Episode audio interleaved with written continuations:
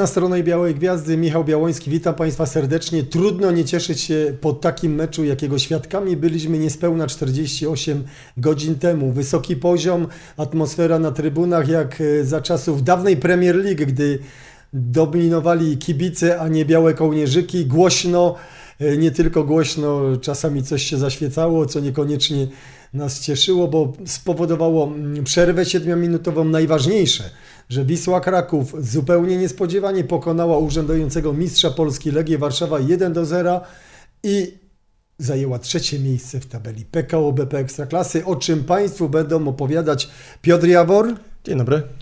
I Tomasz Nomen Omen Brożek. Dzień dobry, czarna koszula zawsze, wcale nie na złość kibicą Legii. Dokładnie, który, który zawsze sercem jest białą gwiazdą. No powiem Wam uczciwie, że byłem zdumiony tym meczem. Zresztą Piotrek też sam przecierałeś oczy ze zdumienia tuż po tym, jak sfilmowałeś płonące racy, race, bo tak zastanawialiśmy się, kiedy Wisła padnie. szalone tempo, pędzi, pędzi akcja za akcją, słupki, poprzeczki. No ja się tak zastanawiałem, no przecież ci chłopcy w pół godziny spalą 95% glikogenu, później jeszcze pociągną przez parę minut y, na tym, co mają w, serca, w sercu, w wątrobie, w nerkach. No i Legia może zrobić sobie deser z Białej Gwiazdy w drugiej połowie. Tymczasem okazało się, że wszyscy, łącznie z Jeboachem, wytrzymali po 90 minut i nawet to, co doliczył arbiter. No plus wielki na pewno dla trenera Guli, że przygotował tą drużynę tak, że ona potrafi biegać 90 minut, a nawet 97 i to na bardzo dużym tempie. Coś, z czym często szkoleniowcy mają problem, ale to już nam pokazuje, mamy do czynienia z fachowcem, z człowiekiem, który no, nie, nie wyrwał się tak z jakiejś tam zaścianka ligowego, a można by tak było myśleć, że, że Słowacja to jest taki troszkę e, kraj dla nas egzotyczny piłkarski, chociaż może myślelibyśmy tak przed, przed euro, ale rzeczywiście jest, ma do czynienia z fachowcem, który otoczył się też fachowcami i Wisła przede wszystkim bardzo dobrze wygląda w tym momencie fizycznie. Nie dostawała od mistrzów Polski, którzy, no trzeba przyznać, mogliby trochę zmęczeni e, meczem ze Slawią Praga. Sześć meczów to nie jest jeszcze taki okres, okres, w którym by można rozsądzać zdecydowanie w tę czy w drugą stronę, jeśli chodzi o selekcjonery, ale można Tomego Guli powiedzieć, że to jest człowiek, który jest y, dobry, pokorny, a jednocześnie potrafi wyegzekwować to, co trzeba, bo tak jak powiedziałem o Jeboachu, który pierwszy raz w tym sezonie zagrał 90 minut na naprawdę dużej liczbie sprintów, Wiadomo, Wiślakom, Legionistom też pomogła pogoda, bo zeszły te upały, zelżały, łatwiej się biega w temperaturze plus 17-18 niż w temperaturze plus 34 na przykład. No ale trzeba powiedzieć, że tempo Wisły było imponujące. No, w kontekście tego, co zrobili piłkarze Wisły, można powiedzieć, że nie ma dymu bez ognia. O dym zadbali kibice, a ogień rozpalili piłkarze Białej Gwiazdy, którzy tam cały czas dokładali do pieca. No i ta Legia nie potrafiła nadążyć e, za Białą Gwiazdą. Można spytać, gdzie się podział mistrz Polski, bo, bo, wydawało się, że to nie była taką, taka legia, jaką znamy, czy w, z tegorocznych występów w europejskich pucharach, czy w Ekstraklasie. Co do Guli, wydaje się, że jest to taka odpowiednia osoba na odpowiednim miejscu na ten moment, tak się wydaje. Oczywiście te sześć meczów to jeszcze zbyt krótki czas. Myślimy, tak patrząc w terminarz na to, co czeka teraz Wisłę po przerwie reprezentacyjnej, że to będzie taki papierek lakmusowy, ale Wisła ma się teraz od czego odbić. To będzie taki mecz, mam wrażenie, do którego i kibice, i dziennikarze będą wracać i porównywać, jak się Wisła będzie prezentowała w najbliższym czasie do tego, co było teraz, bo wydaje mi się, że to ta drużyna powoli zaczyna wyglądać tak, jak życzyłby sobie tego właśnie trener Właśnie. Piotrek, jak, jak ty to widzisz, bo jesteśmy trochę wsadzeni przez piłkarzy Wisły na taką huśtawkę nastrojów, bo ostatnie dwa mecze, no to wiadomo, obowiązkowe rozprawienie się z najsłabszym zespołem w lidze, czyli wygrana w Łęcznej, yy, niespodzianka w spotkaniu z Legią Warszawa, zasłużona wygrana, no ale też nie możemy zapomnieć o tym, że była wpadka ze Stalą Mielec, że była oddany, oddane trzy punkty grając w przewadze z Rakowem Częstochowa. Jest taka trochę huśtawka nastrojów. Miejmy nadzieję, że to jest Wisła jest na tej krzywej wznoszącej właśnie. Na, na, co ten zespół stać? Bo dzisiaj to jest trzecie miejsce. Czy ono jest na wyrost, czy Wisłę faktycznie stać na to, żeby gdzieś po 34 kolejce też w okolicach podium się plasować. Ja zawsze uważam, że w naszej ekstraklasie jest tak, że jest jedno miejsce dla takiej drużyny, która jest niespodziewana. E, I to może być Wisła Kraków, która w końcu ma dwóch napastników, ma zmienników e, w stoperze, coraz mocniejszy środek pola. Nie jest wykluczone, że to właśnie Wisła Kraków będzie tą drużyną, która dołączy gdzieś w okolice tego miejsca z europejskich pucharów, a z drugiej strony zaraz e, zaczyna się taki terminarz, że Wisła po nim może znowu zlecieć w okolicy 10-12 miejsca i też nie będziemy tym zdziwieni. To jest, y, poprzedni sezon miał być na budowę drużyny Wisły Kraków.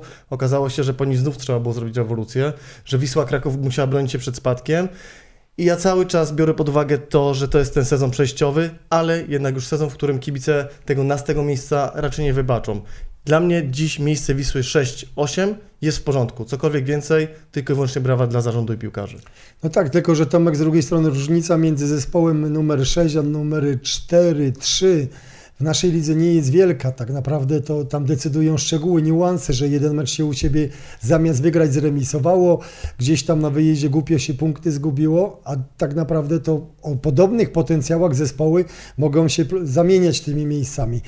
Y, A różnica jest wielka, jeśli chodzi o to, że ma się jednak dostęp do kwalifikacji o Conference League.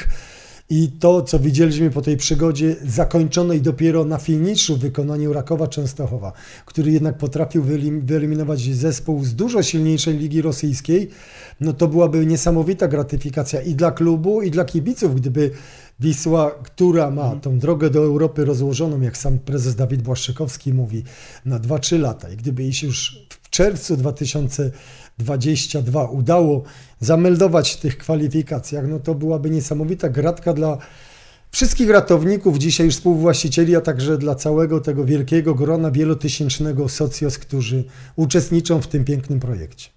Ja myślę, że po tym meczu przede wszystkim kubeł zimnej wody. Na tą tabelę też, też trzeba patrzeć z dystansem przecież, bo, bo i Legia, i Raków, yy, i Radomiak bodajże mają jeszcze zaległe mecze. W przypadku wygranych, no ta Wisła mogłaby być na ich wygranych, mogłaby być na czwartym czy piątym miejscu. Wiśle przede wszystkim, jak już yy, Piotrek stwierdził, potrzeba tej regularności i to drużynowo indywidualnie, bo jakby, jakbyśmy popatrzyli chociażby na, na Jeboacha. Przecież on ze Stalą Mielec prezentował się no źle, a nagle potem w, ręcz, w Łęcznej wyrósł yy, na, na super driblera i teraz y, gdyby się ustatkował na tym poziomie, to myślę, że będziemy mówić o, o prawdziwej gwieździe tej, y, tej ligi i tego potrzebuje też, mam wrażenie, cała, cała drużyna pod wodzą Guli. Wyprzedziłeś scenariusz naszego programu, bo dopiero punkt wiesz. drugi to jest Jawie Boach. Właśnie, Piotrek, jak to jest? Bo być może było tak, że to y, trener Gula, wiedząc, że tutaj w tym trójmeczu, czyli wyjazdy do Mielca, do Łęcznej i na sam koniec gratka dla kibiców, ta wisienka na torcie, y, czyli Legia, to on tak to wszystko zaprojektował, że być może piłkarze byli zbyt ciężcy po ciężkim treningu w Mielcu i stąd być może to słabsze zaprezentowanie się i porażka, a później im dalej, y, im bardziej się przybliżał ten mecz z Legią Warszawa, tym lepiej wyglądali, no bo Jeboach dzisiaj wygląda na jednego z najlepszych dryblerów w całej lidze. On nawet przyćmił w tym spotkaniu Lukiniasa, a to mówi się, że to jest taki towar eksportowy Legii Warszawa, że to jest Brazylijczyk, który umiejętnością szybkiego biegania, szybkiego sprintu z piłką po odebraniu y, dryblowania bije wszystkich pozostałych, a tymczasem okazało się, że to legioniści nie byli w stanie nadążyć za Jeboachem. No bo Joba, Jebach do tego wszystkiego dorzuca jeszcze siłę. To jest niesamowite, że to jest jeszcze bardzo mocny piłkarz w tym momencie, bardzo silnie trzymający się na nogach, co było zresztą widać przy tej bramce dla Wisły, gdzie ten Slisz trochę go próbował przepychać, ktoś próbował z nim wejść bark w bark, a tymczasem okazuje się, że Jebach sobie bez problemu z tymi e, zawodnikami radzi. Do tego ja też widzę, że on złapał chęć do, do gry w defensywie. A może nie chęć, ale może dostał ultimatum od Guli. Nie będziesz biegał tylko w jedną stronę, masz zasuwać i pod swoją bramkę, i pod bramkę przeciwnika i przede wszystkim Jebach na to wszystko ma siłę. I to, co mi się podoba, wydaje mi się u Guli, co zostało stworzone, że on nie wszedł ten efekt nowej miotły, czyli wygrywamy 3-4 mecze, jest super, tylko rzeczywiście to jest plan długofalowy. To, o czym Gula mówi, to, co kiedyś nam mówił po konferencji, o czym nie chciał mówić głośno, ale powiedział nam po konferencji prasowej, mówi, oni czegoś się boją, boją się wejść w stykówkę, boją się, że przegrają o metr wyścig do piłki, jak oni parę takich wyścigów wygrają, parę y, pojedynków bark w bark y, będzie na ich korzyść, oni przestaną się Czyli bać, podjęcie że, ryzyka. Tak, że popełnią błąd, bo w tym momencie ta drużyna jest trochę wystraszona. I wydaje się, że zaczęło to funkcjonować powoli w Łęcznej, a to był dobry rywal na rozpędzenie się, bo Łęczna, no umówmy się, wielkiego meczu wtedy e, u siebie nie zagrała. No i przyspieszyło w meczu, w meczu z Legią, no, gdzie, gdzie Wisła była jednak niesiona i kibicami, i obchodami 115-lecia klubu i w ogóle tym, tym zwycięstwem e, z Legią i też piłkarze widzą, że, że Forbes, który tak na pół gwizdka przygotowywał się do, do rozgrywek, jest w tym momencie, no nawet rozmawialiśmy między sobą po prostu nie przymierzając, ale takim Lukaku naszej ekstraklasy, no ja bym go nie chciał w ciemnej ulicy spotkać. RL9. Tak, dokładnie. Ja go nie się spotka w ciemnej ulicy. Dla mnie to jest taki Arkadiusz Głowacki, czyli z klasą. Ale w ataku. Tak, ale w ataku łokieć, yy, yy, zagrania z nim nie są, nie są przyjemne. Więc jakby widzisz, że piłkarze ci się napędzają, to masz ochotę z nimi grać i widzisz, że ta drużyna jest mocna. Czy Jeboach, y, proszę Państwa, zdoła opuścić Wisłę Kraków jeszcze w tym okienku transferowym? Oby nie, bo wiadomo, takie sprzedaże last minute to na ogół nie wiążą się z uzyskaniem właściwej ceny. Okienko transferowe w top 5 najważniejszych ligach Europy e, zamyka się za 8,5 godziny. W Polsce jest ono jeszcze otwarte do północy dnia jutrzejszego. No ale wydaje się, że Wisła nie powinna korzystać z byle pierwszej okazji na, na pozbycie się go, bo gdyby ten piłkarz okrzep i nabrał regularności, jeszcze kilka takich bramek strzelił jak ta w meczu ze Stalą Mielec, niekoniecznie z Górnikiem Łęcznej, niekoniecznie czerwonej latarni ligowej, to cena by mogła oscylować naprawdę wokół 3 milionów euro. Wisła Kraków liczyła na to, że sprzeda za taką kwotę Aleksandra Buksa. Wiemy, jak ta przygoda się skończyła. Buksa zamknął drzwi za sobą, Wisła nie dostała nawet złotówki za niego, a być może się uda jej Gańczyka, który jest w reprezentacji Gany, sprzedać za taką kwotę. Jak to Tomek widzisz? No o to, czy, czy można w ostatnich dniach godziwie zarobić, można by też pytać działaczy PSG, którzy wiemy negocjują z Realem, ale co do samego Jeboacha, to ten Mbappé. mecz... Mówisz o Mbappé oczywiście, tak? Yy, tak, tak, tak, o Mbappé. A co do samego Jeboacha, mam wrażenie, że ten mecz yy, był takim pojedynkiem dwóch towarów eksportowych, którymi możemy się pochwalić w Europie. Bo po pierwsze Legia, która, która wraca do europejskich pucharów, a po drugie właśnie ten Jeboach, którego bramka przecież obiegła media na całym świecie.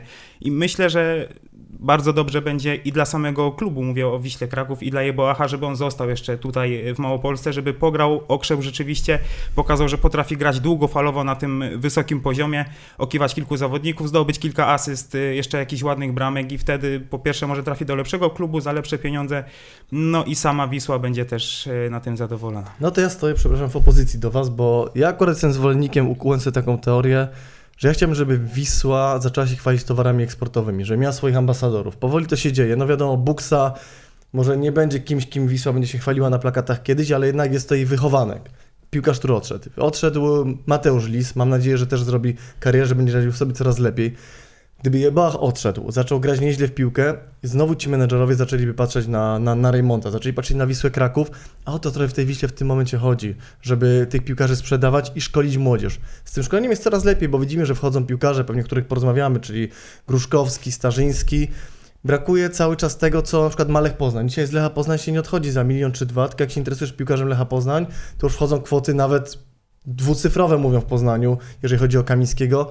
Ja chciałbym, żeby coś takiego powstało w Wiśle Kraków, bo na dłuższą metę ten klub musi być tak finansowany. Musi być finansowany transferami i szkoleniem młodzieży i dlatego oczywiście nie za frytki, nie za grosze je Boacha oddawać, ale ja, jeżeli była za niego dobra oferta, mocno mi się zastanowił, szczególnie biorąc pod uwagę jeszcze to, że Jebach to jest piłkarz chimeryczny i nie wiemy, czy po, tym, po tej jego górce, na której teraz się znajduje, znowu nie będzie zjazdu.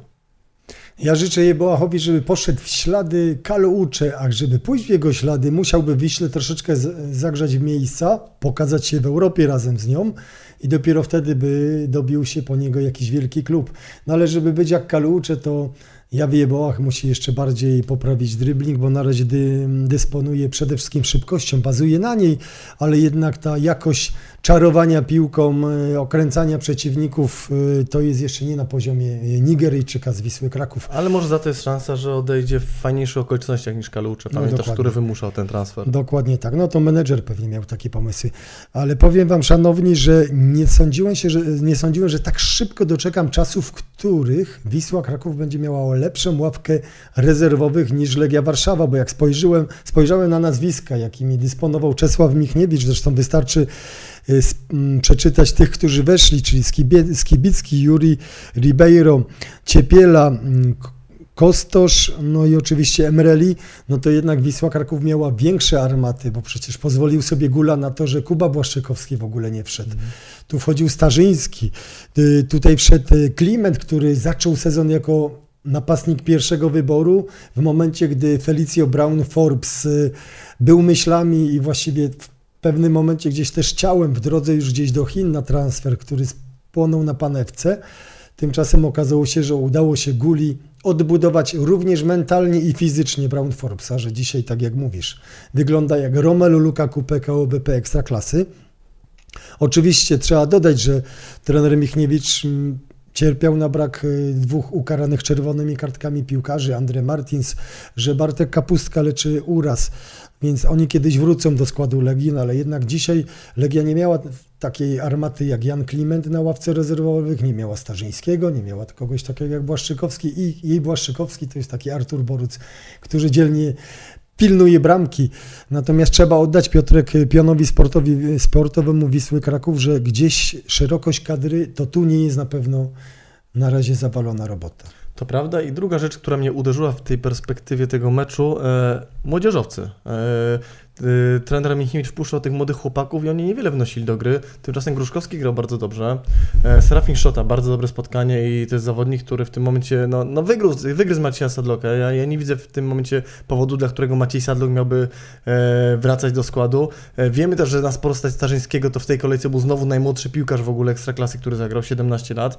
A tymczasem Czesław Michniewicz szuka, y, ściąga niektórych młodzieżowców po 45 minutach, wpuszcza innych i tam nie ma. Wszyscy mówią o tym szkoleniu, y, o szkoleniu Legii Warszawa, Akademii, o boiskach, a tymczasem widać, że w tym momencie, jak od 4-5 lat wzięto się Wiśle Kraków za szkolenie, to tu naprawdę są chłopcy, którzy potrafią grać w piłkę. I Wisła Kraków z tego słynęła i Wisła Kraków z powrotem może na tym budować podstawy i dlatego jeżeli ktoś słucha moich apeli, to mój apel jest taki, naprawdę nie ma co się rzucać na te 2-3 lata przyspieszenia procesu budowania klubu, tylko iść cały czas w tą stronę, wkładać pieniądze w szkolenie, wkładać w szkoleniowców, w trenerów, w akademię i po prostu wypuszczać tych młodych chłopaków w świat, niech oni pokazują, że Wisła Kraków y, to cały czas jest marka, nie tylko, która kiedyś była napędzana pieniędzmi Bogusława Cupiała, ale teraz marka, która jest napędzana szkoleniem. Redaktor Justyna Krupa, z którą dzisiaj rozmawiałem, gratulując jej bardzo fajnego wywiadu, jaki możecie przeczytać na Sport Inter i Serafinem Szotą, jeszcze, par, jeszcze parę tygodni temu mówiła mi, że Gruszkowski jest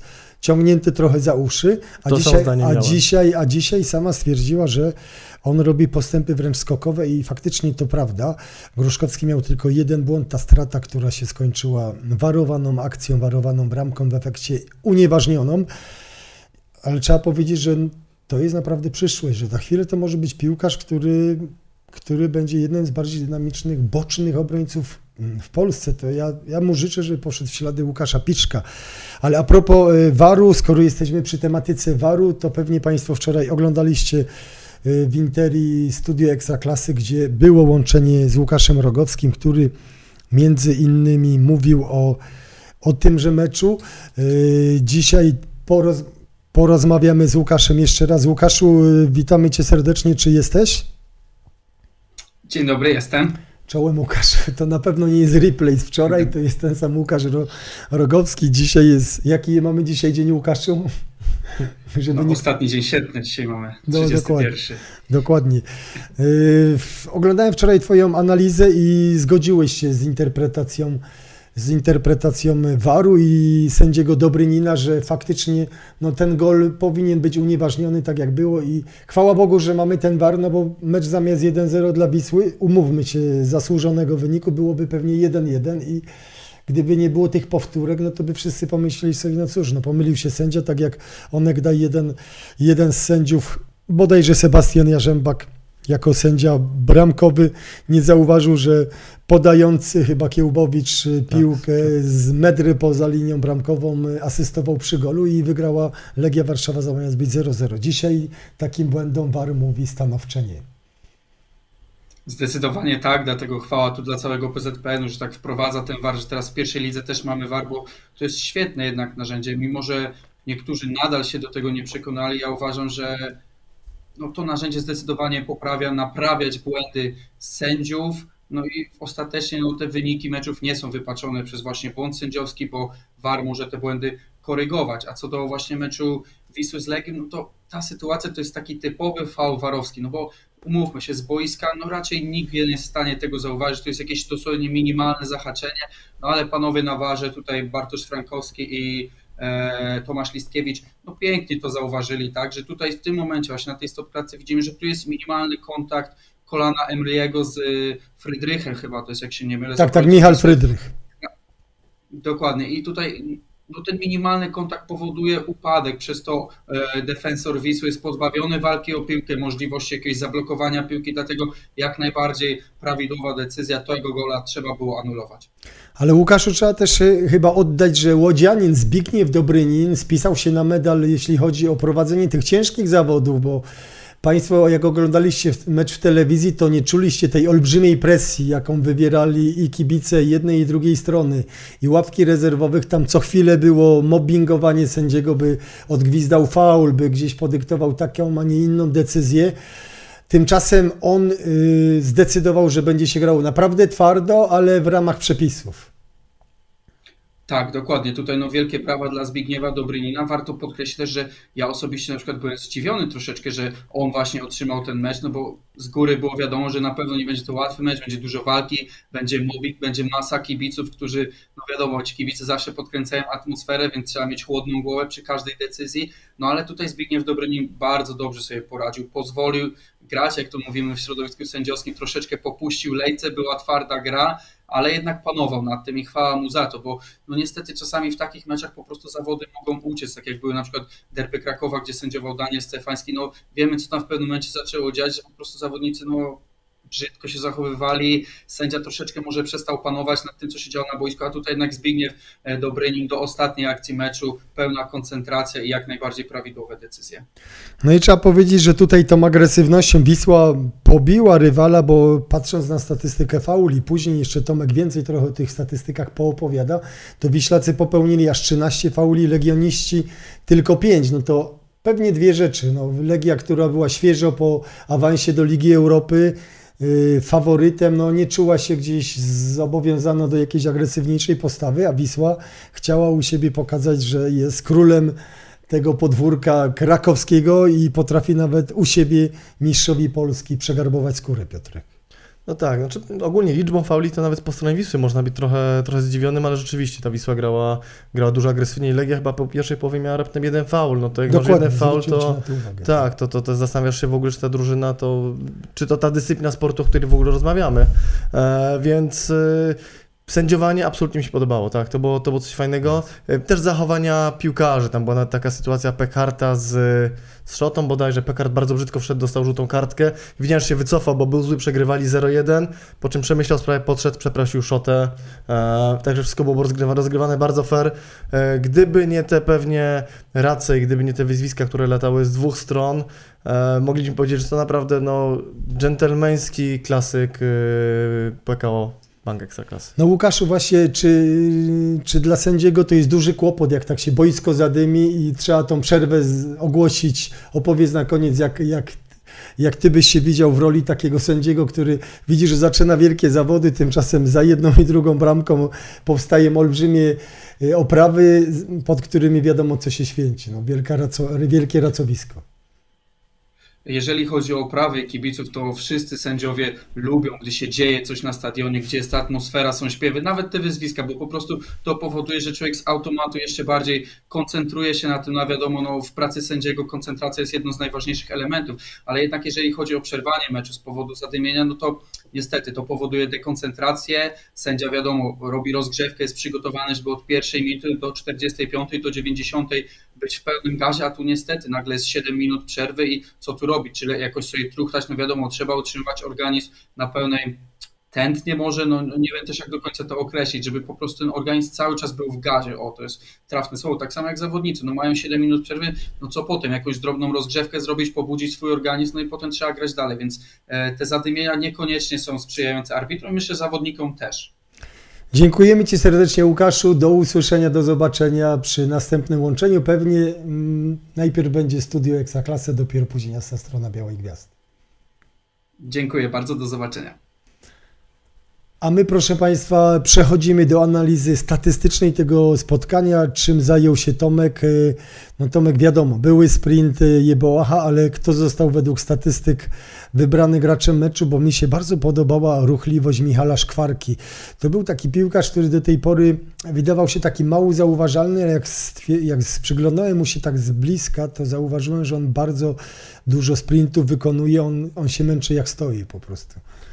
Tak, generalnie miałem wrażenie, że Wiślacy męczyli się w niedzielę właśnie stojąc. Były czasem takie dowcipy w szatni, gdy maścią rozgrzewającą smarowało się bieliznę, żeby ktoś poczuł ból, to miałem wrażenie tak jakby Wiślacy nie potrafili się zatrzymać, jakby coś ich paliło, by ciągle gnać i to dotyczyło nie tylko Szkwarki, ale też y, El Madridiego na przykład. Według mnie rozegrał kapitalne spotkanie, ile takich ważnych odbiorów, może mało zauważalnych i to połączone z tego jego gracją w poruszaniu się było naprawdę niesamowite. Co do Szkwarki, to chyba najlepszym podsumowaniem tego, jak był waleczny, no, był ten krótki filmik i spięcie z Bartoszem Sliszem, gdy przystawili sobie czoło do czoła. Tu też sędzia nie przeszkodził im w tym, później wziął ich na słówko, ale to właśnie Michał Szkwarka został e, wybrany najlepszym zawodnikiem. Jeśli popatrzymy na Instat Index, jeśli chodzi o statystyki, to takie trzy, trzy wątki warte zauważenia. Po pierwsze, Wisła rzeczywiście zabiegała Legię.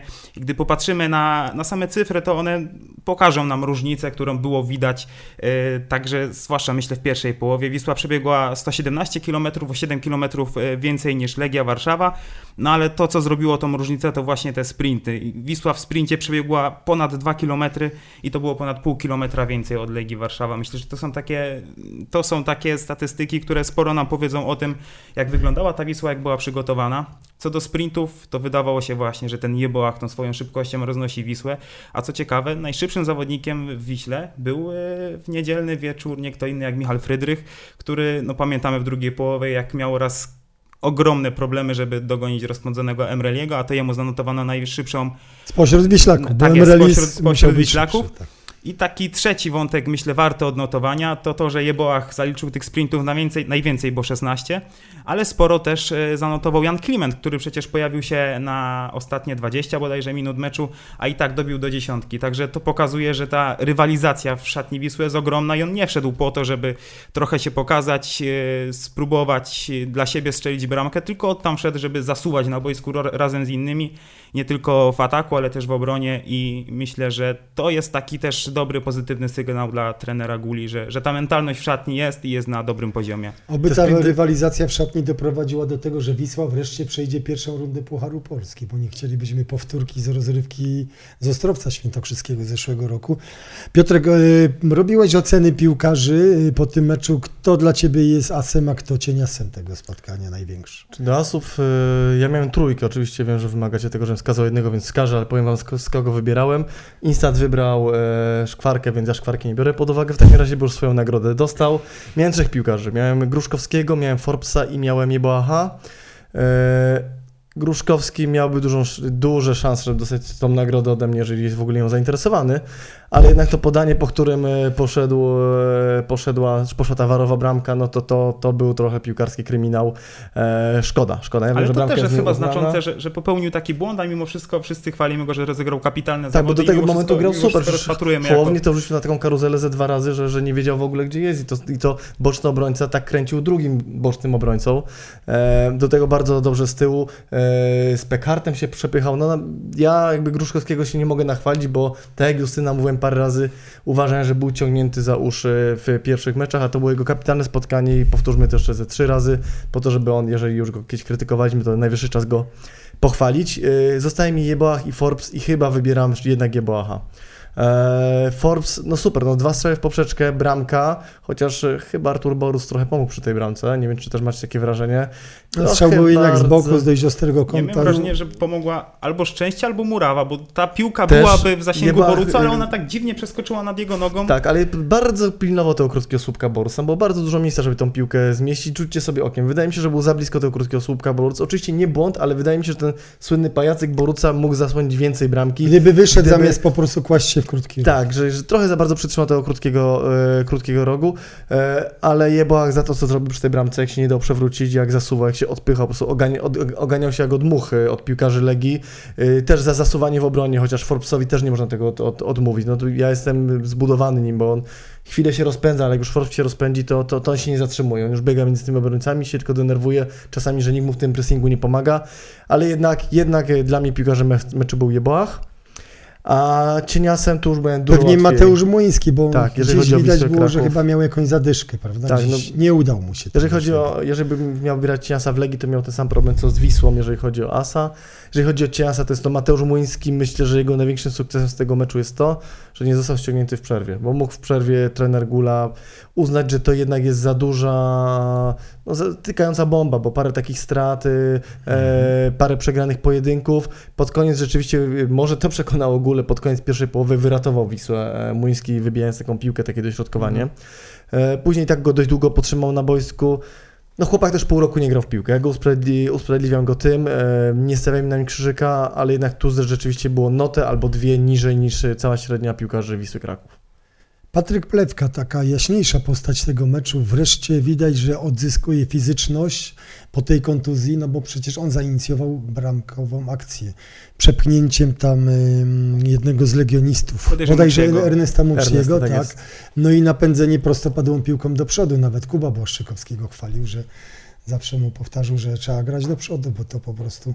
Ja pamiętam, jak jeszcze było rozdawanie nagród którejś z gazet w magistracie krakowskim, to tam był Plepka, tam ze dwa lata temu jako odkrycie, to z Kubą razem, tam pozował do zdjęć. Widać, że Kuba go tak właśnie obdarzył taką opieką piłkarską i mając takiego patrona, no to dobrze się rośnie piłkarsko. Tomek. Y, Ja generalnie jestem bardzo zbudowany postawą plewki. Być może nie ma też e, przypadku w tym, że Wisła zaczęła grać tak kapitalnie, weszła na wyższe obroty, odkąd on wrócił do pierwszego składu, bo wrócił przecież na Łęczną, wcześniej pojawiał się z ławki.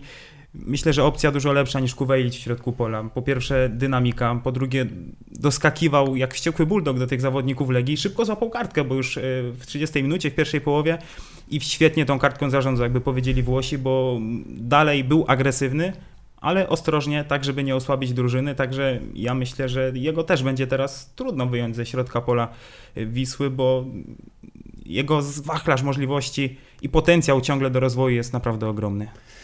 Skoro już jesteśmy przy Kubie Błaszczykowskim, to Piotrek, trudno nie zamienić paru zdań na temat tego, że on przestaje się mieścić y, w składzie nawet jako zmiennik.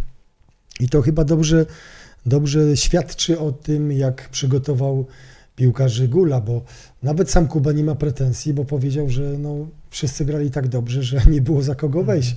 No tak naprawdę, jeżeli Wisła gra tak szybko i tak intensywnie, no to zawodnika, który już dzisiaj w takim zaawansowanym wieku tej intensywności, szybkości, dynamiki by nie poprawił, mimo całego jego doświadczenia, trudno po prostu wpuścić na takiego przeciwnika, jakim jest Legia Warszawa. No Wiecie, daje to trochę do myślenia, że na bok wchodzi Piotr Starzyński, który przy dobrych wiatrach mógł być pewnie synem Jakuba Błaszczykowskiego. Jakub Błaszczykowski siedzi e, na ławce i nikt mu nie daje nawet dwóch, trzech minut po to, żeby poszedł w narożnik i przytrzymał piłkę.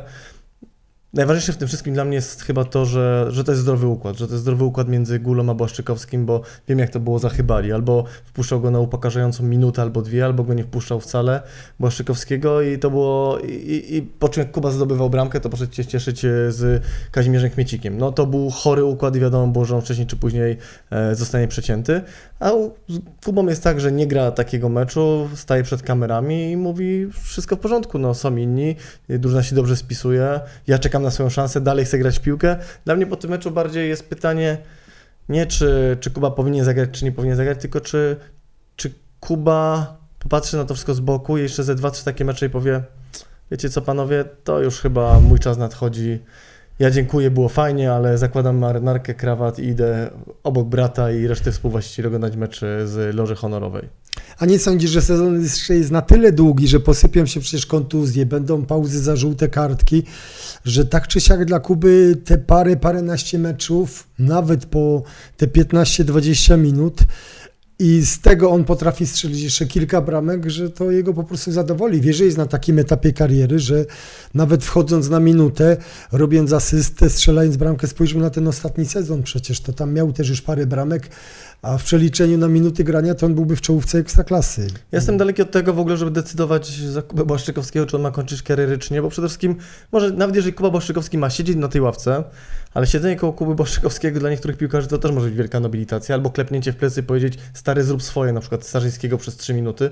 Jeżeli Kuba, Kubie ta rola odpowiada, no to niech ją spełnia. No może przyjdzie w pewnym momencie taki czas, że nawet poczuje się lepiej piłkarsko, bo też pamiętajmy, że Kuba w piłkę dość długo nie grał, miał tą przerwę dość sporą, takiego rzeczywiście grania meczowego, bo zachybali nie grał prawie w ogóle, e, wcześniej był uraz, no więc jakby to też nie jest e, sytuacja taka, w której wchodzisz i, i ciągniesz 30-40 minut, tym bardziej no dostał szansę w Mielcu i Kuba wtedy, przyznajmy szczerze, tak jak cała drużyna, e, prochu nie wymyślił.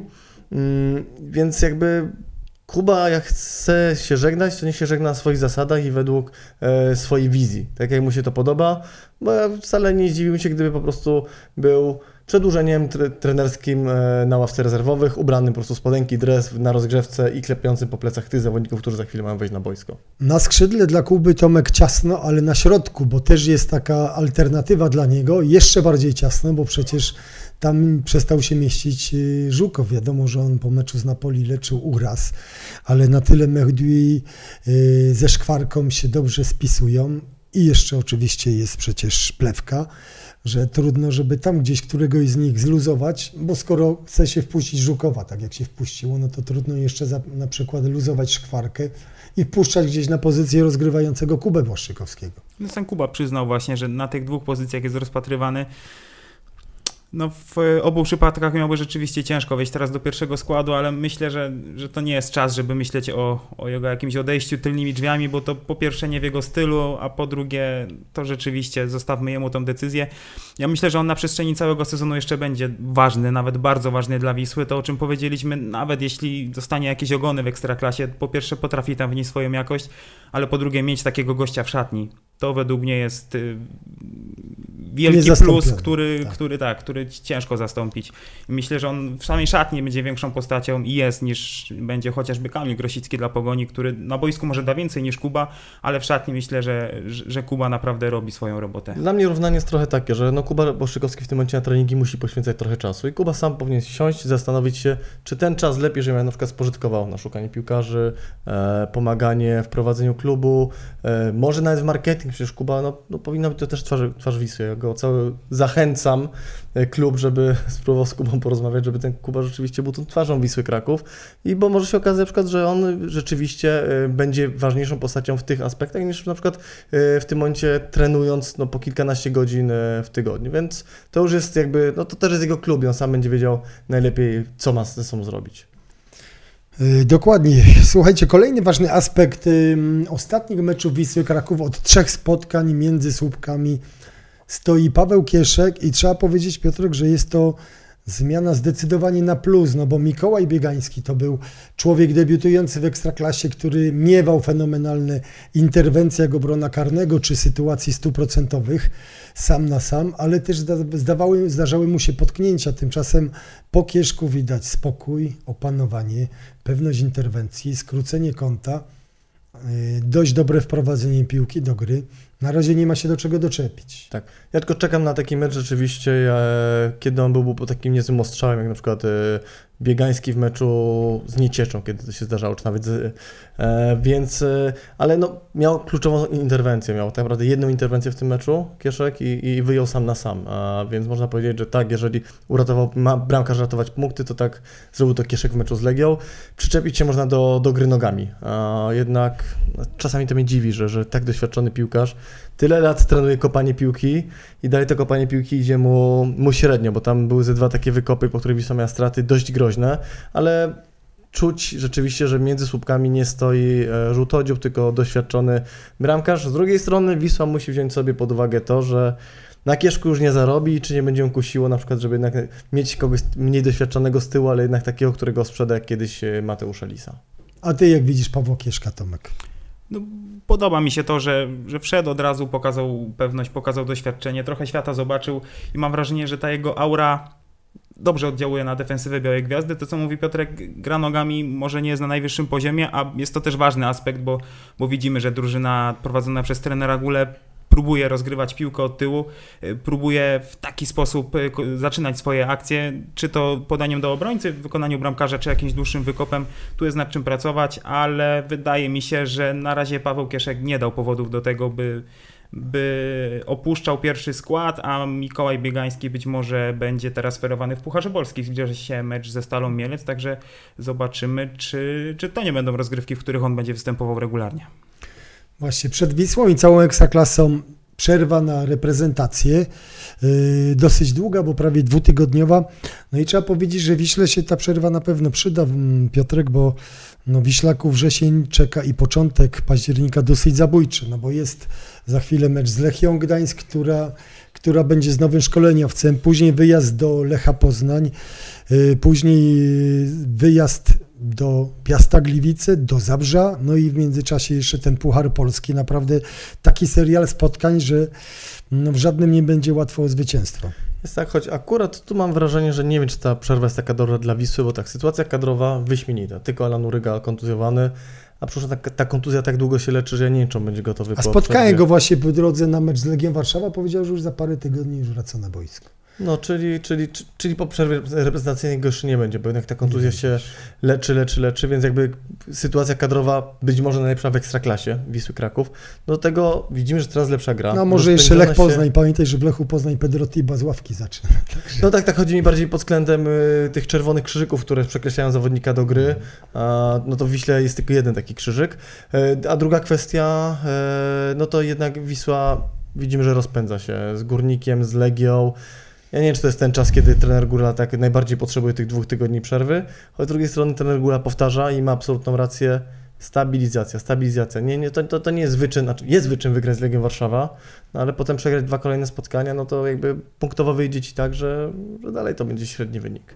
No właśnie nie w meczach y, z Legią Warszawa Wisła będzie walczyło o swoje pozycje w tabeli, tylko właśnie w takich meczach jak ze Stalą Mielec czy z Górnikiem Łęcz- Łęczna, z tymi zespołami, które będą w dole czy w środku tabeli. Mm, Ty Tomek, nad czym byś widział konieczność y, naprawiania y, gry Wisły? Konieczność naprawienia? No, myślę, że przede wszystkim chodzi tutaj o mental, bo jego zabrakło między innymi z Rakowem Częstochowa. Tam Wisła prowadziła, grała w przewadze i jakimś cudem nagle wszystko przestało funkcjonować, ona nie dowiozła tego wyniku. Myślę, że tutaj potrzeba właśnie pracy nad takim, żeby ten zapał, który było widać z meczu z Legią, przełożyć najpierw na pracę na treningach, a potem, żeby ciągle było to widać na boisku. Tak sobie myślę, właśnie jeszcze skoro rozmawialiśmy o Jeboachu, to na jego przykładzie też widać, bo on potrafi zrobić świetny dribbling, przebiec pół boiska szybkim sprintem, ominąć kilku zawodników, a ma takie momenty, gdy nagle traci koncentrację i samo przyjęcie piłki zaszwankuje, albo pojedyncze zagrania na aut. Właśnie myślę, że tu taka stałość i, i, i taka ciągła chęć rozwoju będzie takim e, elementem, na którym Wisła przede wszystkim musi popracować w tym najbliższym czasie. Ja tu jeszcze myślę o zgraniu takiej defensywy, bo myślę, że Gula w końcu znalazł tą defensywę. Pewnie bez Macieja Sadloka, Serafina Szotą i przede wszystkim środek pola. Wrócił Plewka, e, El Mahdui gra bardzo dobrze, e, do tego jest jeszcze Żukow. Kuwelicz na przykład miał szansę, ja myślę, że Kuwelicz długo nie pomocha murawy u, u, u Guli, bo, bo po prostu no, to jest zawodnik, który się nie angażował w defensywę i ten trzon Wisła, pa- pamiętajcie, że nawet y, po pierwszym meczu z Zagłębiem traciła co najmniej po dwa gole w każdym meczu. Teraz w dwóch meczach straciła raptem jedną bramkę. Więc wydaje mi się, że ten trzon y, defensywny Gula już znalazł, więc jeżeli na coś ma wykorzystać te dwa tygodnie, to chyba właśnie na to, żeby zgrać tą defensywę do końca. Tak mi się wydaje, że nie tylko mm, sam skład defensywy, ale ustawienie całego zespołu po stracie piłki, że jednak za linię piłki lwia część zespołu, za wyjątkiem Brown Forbesa się pojawi i angażuje się w walkę o odbiór piłki, począwszy od szkwarki, przez plewkę, no plewka to zawsze z tego słynął, że on był obecny też w swoim polu karnym, starał się odbierać tą piłkę, no i też McDewey miał kilka odbiorów piłki, a tego mi właśnie brakowało w jego wykonaniu w tych pierwszych kolejkach, gdzie on grając na tych pozycjach 6-8, to on powinien jednak mieć przynajmniej 50-60% zaangażowania swojego to jednak w te działania defensywne. On wiadomo, jako człowiek wyszkolony w Holandii, w Ajaxie Amsterdam, to lubi się pojawić gdzieś z przodu, porozgrywać piłkę do przodu, a tu czasami trzeba uczestniczyć w niesieniu fortepianu, by móc na nim pograć. Szanowni Państwo, dziękujemy mm, za ten odcinek Jasnej Strony Białej Gwiazdy. Yy, Zapraszamy na kolejny po spotkaniu z Lechią Gdańsk już po przerwie reprezentacyjnej. Dzisiaj moimi gośćmi byli Tomasz Brożek, Dziękuję serdecznie. Piotr Jawor. Dziękuję.